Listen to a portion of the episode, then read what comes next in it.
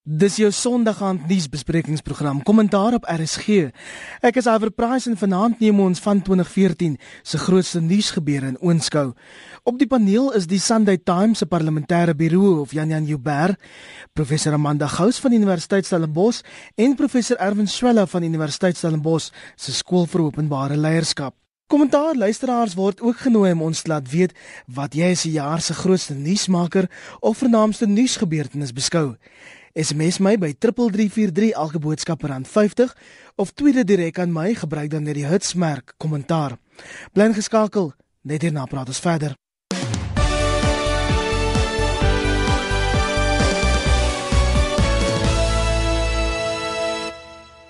Kollegas, ons het vooraf gekookus en 'n lysie gemaak van die jaar se grootste stories, maar ek wonder wat elkeen van julle bo aan die lysie het. Ons gaan dit later bespreek, maar net kortliks, wat is bo aan jou lysie en hoekom Erwin? Ja, ek sou eintlik sê dat 'n interessante uh, een is uh, die hele al die gebeure rondom president Zuma en die Kandla gebeure. Maar dit sluit natuurlik aan by 'n klomp ander uh, aktiwiteite in die in die politieke jaar wat 'n baie bedrywige jaar was, onder andere die verkiesings, nie ons het die jaar nasionale verkiesings gehad wat 'n uh, bepaalde implikasie het vir die uh, vir die posisie van politieke partye. Daar is 'n verskeidenheid aspekte ehm um, wat uh, verder in ag geneem kan word, maar kom ons sê vir die oomblik president Zuma ehm um, die regering, die verkiesings en dan Kandla en die impak daarvan. Amanda? Ja, ek sien saam met Evan en dan sal ek verby sit die die toetrede van die EFF tot die parlement en hoe dit basis parlementêre ehm um, terre reëls en regulasies ehm um, ondermyn en verander. Ehm um, en ek sou ook wou sê dat op 'n op 'n groter internasionale vlak die hele krisis um rondom Ebola en ook die Nigeriese ramp uh, waar daar soveel Suid-Afrikaners dood is. En Jan Jan Boon jou lysie? Ek stem saam met die twee kollegas veral uit 'n parlementêre oogpunt uit dat um die Nkandla verwikkelinge en um Julius Malema en die EFF uh, bo aan sou wees. Maar ek sou ook bylas um daai wat jou kollega Amorey Becker noem haar beerdkrag oomblikke wel. Um ek dink beerdkrag en die omstandighede rondom die staatsbeheerde instellings soos Eskom en die SAL Nie alleen dink ek dis nou nuus nie, maar ek dink dit gaan groot nuus wees in die tyd wat kom. So kom ons begin dan nou maar by Jacob Zuma van Nkandla, die Teflon president wat van jare openbare beskermer se verslag oor Nkandla oorleef het. Al het dit bevind dat hy onregmatig bevoordeel is deur opknappingswerk aan sy huis. Amanda, nie 'n goeie jaar vir meneer Zuma nie en ook nie vir Suid-Afrika nie. Nee, absoluut nie. Ek dink die feit dat in 'n jaar waarin ons 'n verkiesing gehad het en waarin ons 20 jaar van demokrasie gevier het, ehm um, het die president eh, be bekend geword as die afwesige president. Um, in die sin dat hy absoluut geen verantwoordbaarheid aanvaar vir sy optrede oor 'n hele klomp goed nie, maar ook spesifiek oor Nkandla. En dan die manier waarop die hoofstuk 9 liggame maar spesifiek die openbare beskermer Turina Donzella behandel is um, as gevolg van die verslag wat sy uitgebring het oor Nkandla. Ehm um, dit het 'n hele klomp reperkusies uh, teweeggebring in in die parlement die feit dat die parlement gevoel het hulle moet hulle eie ehm um, komitee aanstel om te kyk na hierdie ehm um, uitslag van haar ehm um, verslag en en die feit dat dat daar die argument gemaak word dat sy nie afdwingingsbevoegdheid het nie wat wat ek dink die hele kwessie van die uh, hoofstuk 9 liggame verkeerd lees. Ehm um, maar wat dit vir ons sê in 'n in 'n groter prentjie is dat wat ons noem die uh, die anti anti majoritarian mechanisms. Met ander woorde, daardie meganismes wat uh, die meerderheidsstem moet teestaan en moet in beheer hou, absoluut geïgnoreer word of op 'n manier behandel word wat vir ons eintlik sê dat ons 'n konstitusionele krisis het. Um en dit is die einde van die jaar, die Nkandla verslag situasie is nie afgehandel nie. Die president het nog geen verantwoordbaarheid gedoen vir hierdie um situasie rondom Nkandla nie. En wat dit doen is om die legitimiteit en die vertroue in die regering um, op 'n baie groot skaal te ondermyn en ek dink dit is dat jy weet aan die einde van hierdie jaar dink ek daar's baie Suid-Afrikaners wat voel dat ehm um, wat basies baie negatief voel en wat wat ehm um, skepties staan oor of ons besig is om ons uh, demokrasie te konsolideer. President Zuma het wel Vrydag in sy Kersboodskap gesê Suid-Afrikaners het oorgenoeg rede om fees te vier erwen. Ja, ons het natuurlik uh, van president Zuma en sy party vir jaar gehoor oor al die goeie stories wat ons kan vertel. En dis egter 'n vraag hoeveel van hierdie stories is op feite gebaseer. Ek dink as mense na die nuus kyk oor die jare, kan mense ook probeer om 'n bepaalde tendens of tendenslyne uit te soek en dan kan mense gaan kyk of daar 'n beweging is, kom ons sê net ten opsigte van 'n fokus op die toekoms of daar 'n teruggreep na die verlede is of die president aanwesig of afwesig is of daar goeie of slegte leierskap is en of daar 'n uh, uh, groter klem op partytetiek en populistiese politiek en professionalisme is. Nou as mense na al hierdie tendense gaan kyk, is dit ongelukkig so dat dit wel lyk asof ons uh, in alle opsigte in hierdie soort tweedelings uh, dit wil aan die aan die verkeerde kant uitkom. Dit lyk asof partytetiek en populistiese politiek oorheers. Die president is toenemend afwesig. Die tendens is om te fokus op die verlede nie op 'n toekomsvisie nie. Die leierskap is lyk my nie besonder goed nie. En op die wyse wil dit tog voorkom asof ons uh, alhoewel die jare klomp gebeurtenisse gehad het, uh, dikwels as jy die tendensanalises gaan bekyk in hierdie jaar op 'n manier opgetree het of op op maniere opgetree het dat ons eintlik dink ek uh, swakker af is. Uh, Amanda het nog 'n klomp ander bygevoeg. Mense kan gaan kyk of daar 'n klem is op die grondwet of 'n klem op die partytetiek of daar beskerming is vir vir minderheids uh, regte teenoor major, majoritarianism. Dit lyk my net dat ons kan veel beter doen en as ons mekaar goeie wense toewens vir die nuwe jaar, hoor dit wees dat ons 'n veel beter nuwe jaar of 2015 uh, vir onsself moet skep. Want dit gaan nie 'n wonderwerk wees, dit gaan harde werk wees as wat ons in 2014 gehad het. En dan was dit ook 'n jaar waarin Julius Malema se ekonomiese vryheidsvegters tot die parlement toegetree het. Hulle het elke geleentheid gebruik om parlementêre protokol uit te daag, Jan Jan. Ja, ek hou van jou woordkeuse daar uit te daag. Um ek dink is baie goeie ding. Jy weet ek praat met 'n ou stryder in die politiek eergister. Ek gaan nou nie sê wie nie, maar een van ons land se beste oud ministers en hy sê net vir my uit die Engelse woord gebruik dis 'n heaven sent. Nou, um wat goed is daaraan is dat dit ons politieke bietjie wakker geskit het. Dit het my gevoel en dis vir Erwin se stellings rondom die stryd om 'n beter verlede. Um vir my baie ter sake is dit my gevoel asof ons besig was om te versand in 'n posisie waar daar nie veel verandering gekom het nie. Daar verandering is in die lug en ek dink ons gaan dit sien die 12de Februarie wanneer die president gaan probeer om die parlement te open. Ek vir een hoop hy word weer 'n bietjie geskit want um dis wat nodig is hierso. Um as ons kyk na tendense waarna albei um Amanda en um Erwin verwys het, dan is daar een baie kommerwekkende een en dis die verdierde afgradering van ons op ekonomiese vlak.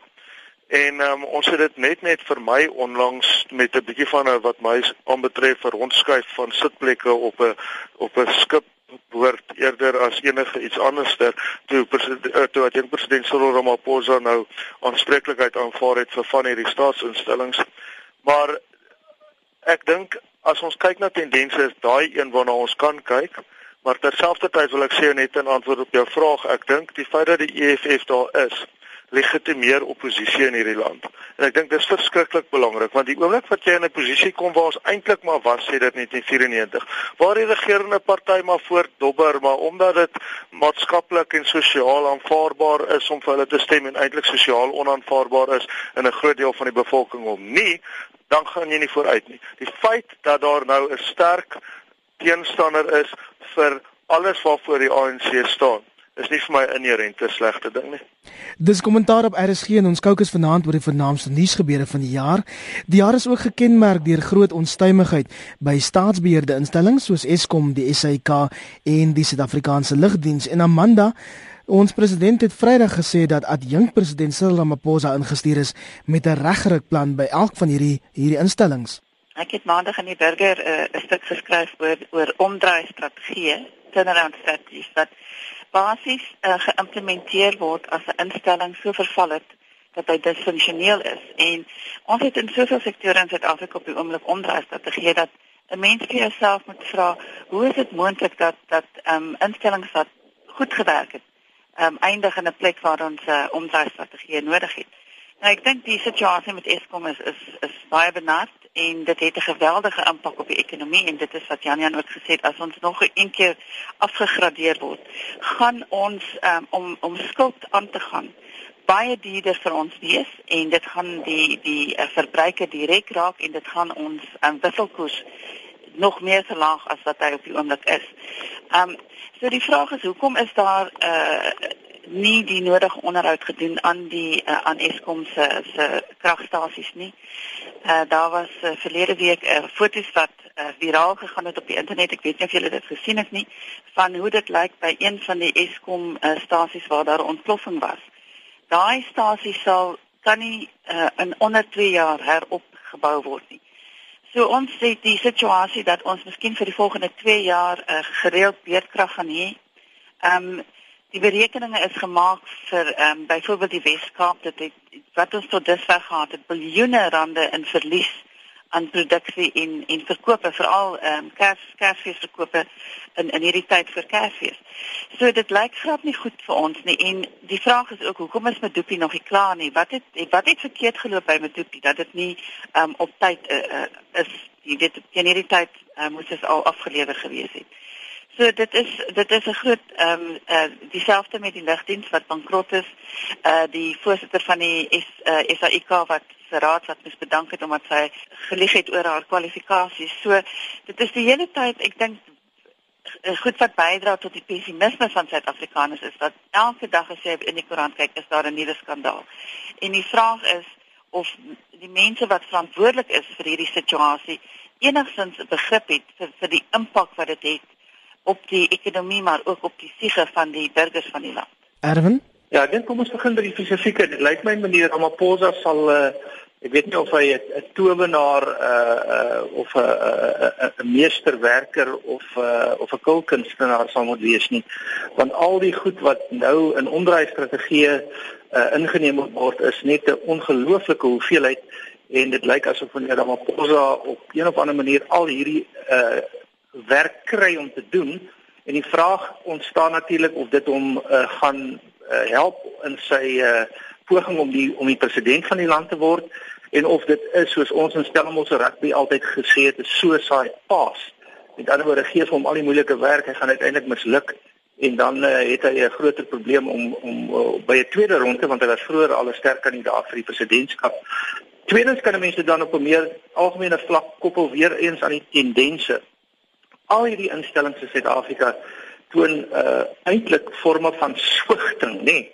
Ehm um, dit swig en dit swig omdat daar soveel politieke inmenging is. Ehm um, as 'n mens teruggaan en jy gaan analiseer hierdie goed jy jy jy jy, jy vra vir jouself af wat verklaar dit dan lyk dit asof dit dit wels gepaard gaan vanaf die polisie tot die vervolgingsgesag dwars deur al die staatsinstellings die poskantoor Eskom SABC ehm um, met 'n uh, politieke vorm van van um, inmenging en uh, uh, maniere waarop politieke inmenging te doen het met die bestuur van hierdie organisasies, met die beleide wat hulle bepaal, met die manier waarop hulle funksioneer.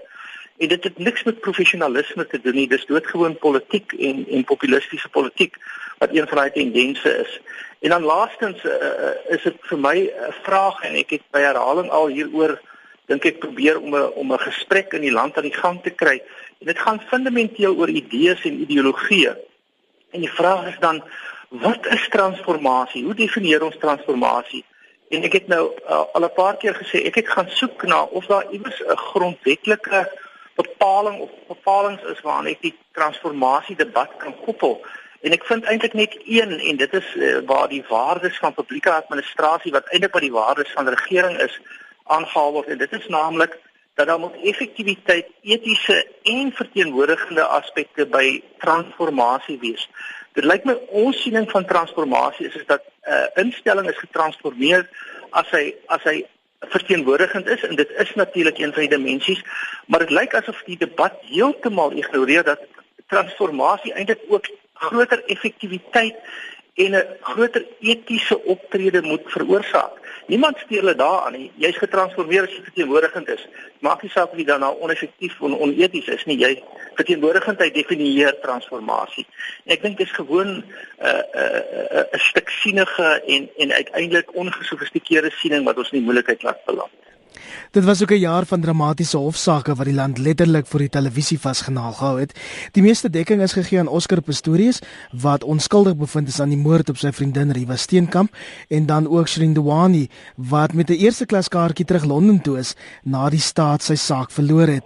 En Jan Jan, ek sien Oscar is die week 8ste geplaas op die nuusagentskap AFP se lys van die 10 invloedrykste figure van 2014.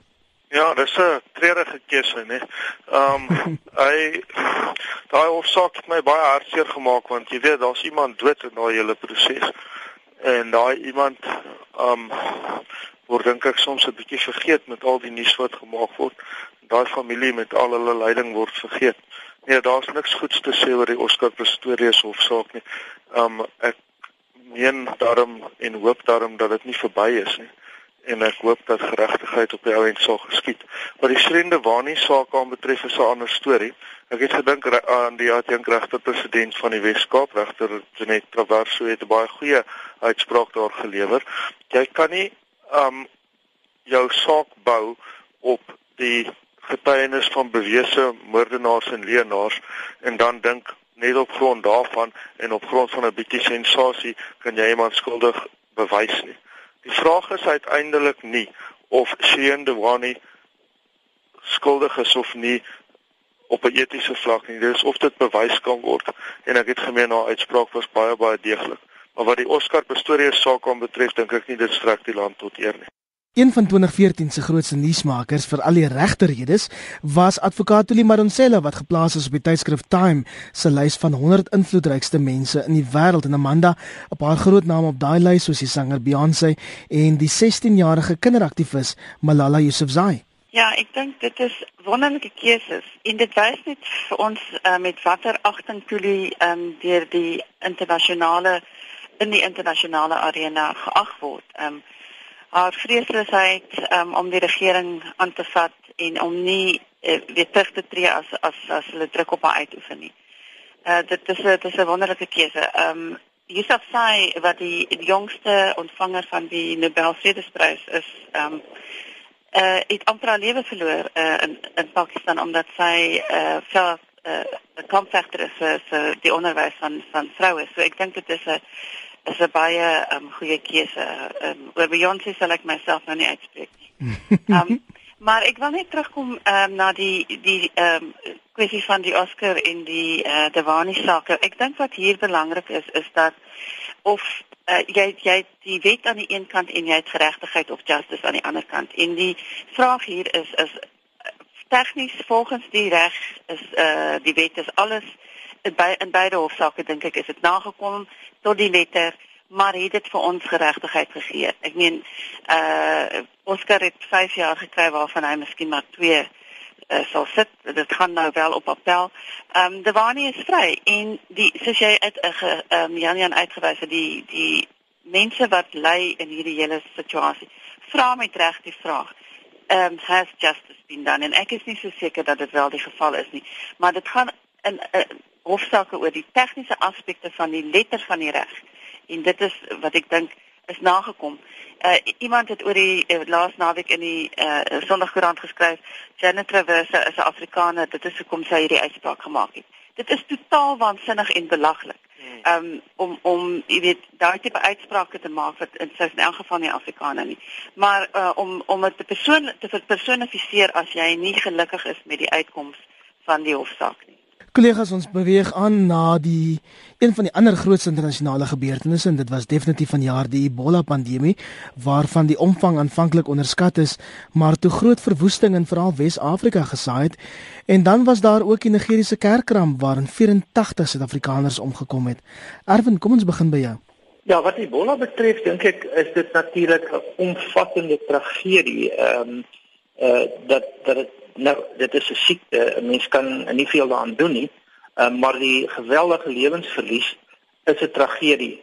Terselfdertyd is dit een van die stories van die jaar waar mense tog gesien het dat uh by wyse van samewerking, by wyse van groot menslike opoffering, ehm um, dokters, verpleegsters, uh versorgingspersoneel wat almal saamgestaan het, uh regerings wat op een of ander manier besef het dat hier in die aangesig van 'n van 'n eerste klas krisis, moet ons op een of ander manier optree op 'n wyse wat samewerking uh bevestig en verstewig sodat ons hierdie saak kan hanteer.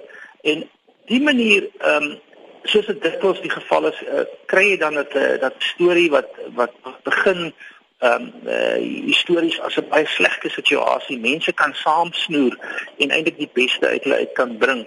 So die tragedie van die Ebola is dat dit soveel lewensverlies veroorsaak het.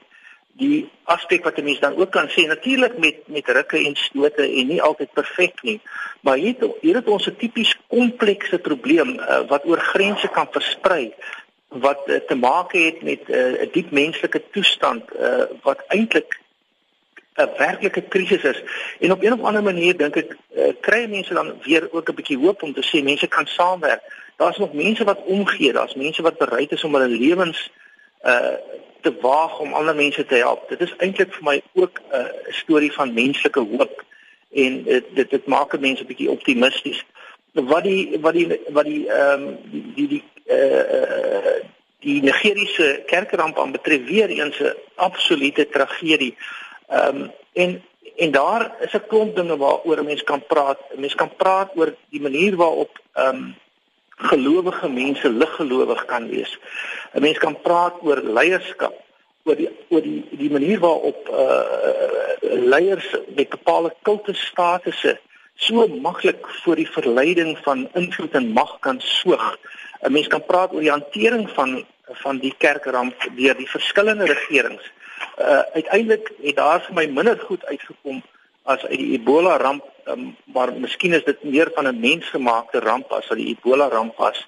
So ehm um, uh, ek wil sê die stories is is is ons praat baie oor politiek maar daar's ook diep menslike elemente aan politiek en aan wêreldgebeure wat uh, wat ons eintlik moet laat kyk na goed nie net uit uit 'n negatiewe en 'n destruktiewe hoek nie maar ook dat mense kan saamwerk dat hulle dinge kan doen wat hoop gee. Janjan? Ja, ek stem saam met Erwin. Wel daar's daar's nie veel goed te sê oor oor die Ebola um kwessie nie. Ek meen mense ontsettend baie mense is dood in die proses.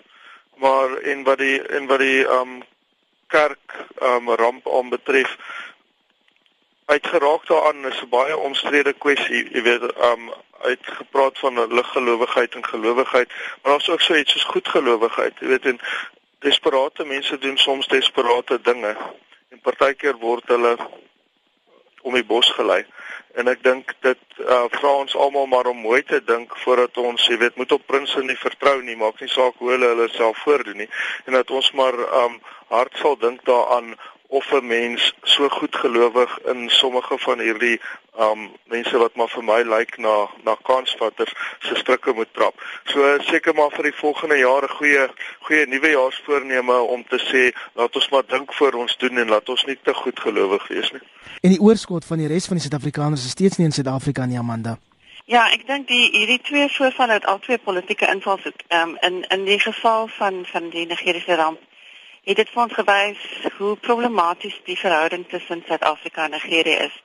Dat daar 'n kompetisie is om die twee sterkste state op die kontinent te wees. Ehm um, en dat daar baie beslis 'n politieke um, aspek is aan die feit dat die liggame so lank vat om om teruggestuur te word. Uh ook die feit dat Nigerië ehm um, aan die begin geweier dat Suid-Afrika uh, eh, DNA toetse doen om vas te stel watter ehm um, liggaam, uh, jy weet die die identifikasie van die liggame.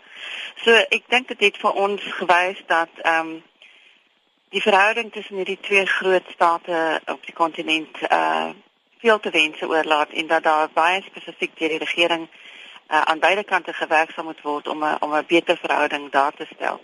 Ook in die geval van Ebola, ehm um, ek stem saam dat hierdie hierdie ramp samewerking veroorsaak het. Ehm um, maar dat dit eintlik eers ernstig opgeneem is toe daar iemand in die FSA dood is en die FSA bereid was om bronne uh daar te stel vir vir die vinniger vinniger ontwikkeling van ehm um, 'n uh, uh, inenting teen Ebola en so aan. Ehm um, dit is asof die die lewens van mense in Afrika minder werd is as die lewens van mense in ander lande. Ehm um, en en dat ons dit nou gesien het, jy weet die die oomblik as die weste betrokke raak, dan dan word daar ehm um, all the stops are pulled out. Ehm um, Maar ek dink um, ons moet ook vir onsself die vraag um, afvra uh wat dit beteken as jy hierdie tipe van pandemie het in 'n globale wêreld waar mense reis met vliegtye en waar hierdie goed kan versprei in in 'n kwessie van ure. So ek dink dit het ons laat wakker skrik oor wat doen jy wanneer 'n uh, pandemie so vinnig versprei want dit is nie soos 'n uh, HIV vigs wat oor jare mense doodmaak nie. Hierdie ding maak mense binne dae dood. So ek dink dit was ook 'n wake-up call geweest. Kollegas, ons sluit vanaand se program af met die Suid-Afrikaners wat in terreur gesterf het. Pierre Kortjie, die Bloemfontein se onderwyser wat in Jemen dood is in 'n skermutseling met Al-Qaeda en dan Werner Groenewald en sy kinders, Rodey en Jean-Pierre wat in Afghanistan deur die Taliban vermoor is. Erwin, jou reaksie?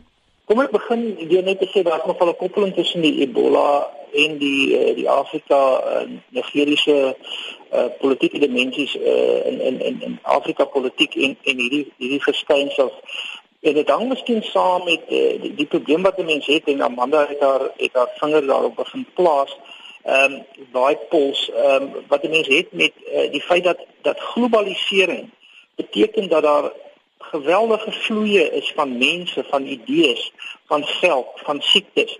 So alles beweeg oor grense.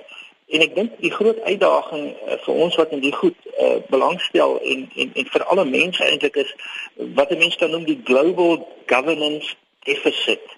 Nou dis 'n Engelse term om te sê weet ons on, ons kan dinge binne nasionale grense hanteer ons kan ons kan ehm um, ehm um, uh, uh, tot 'n mate die staat gebruik of of die of die sektore binne die samelewing gebruik om om om sake binne die grense te hanteer.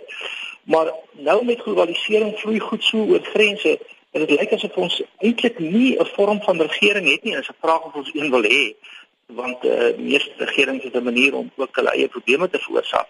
Maar daar daar is nie genoeg as dit ware gesag oor grense heen nie. Ehm um, nou terug by jou spesifieke vraag.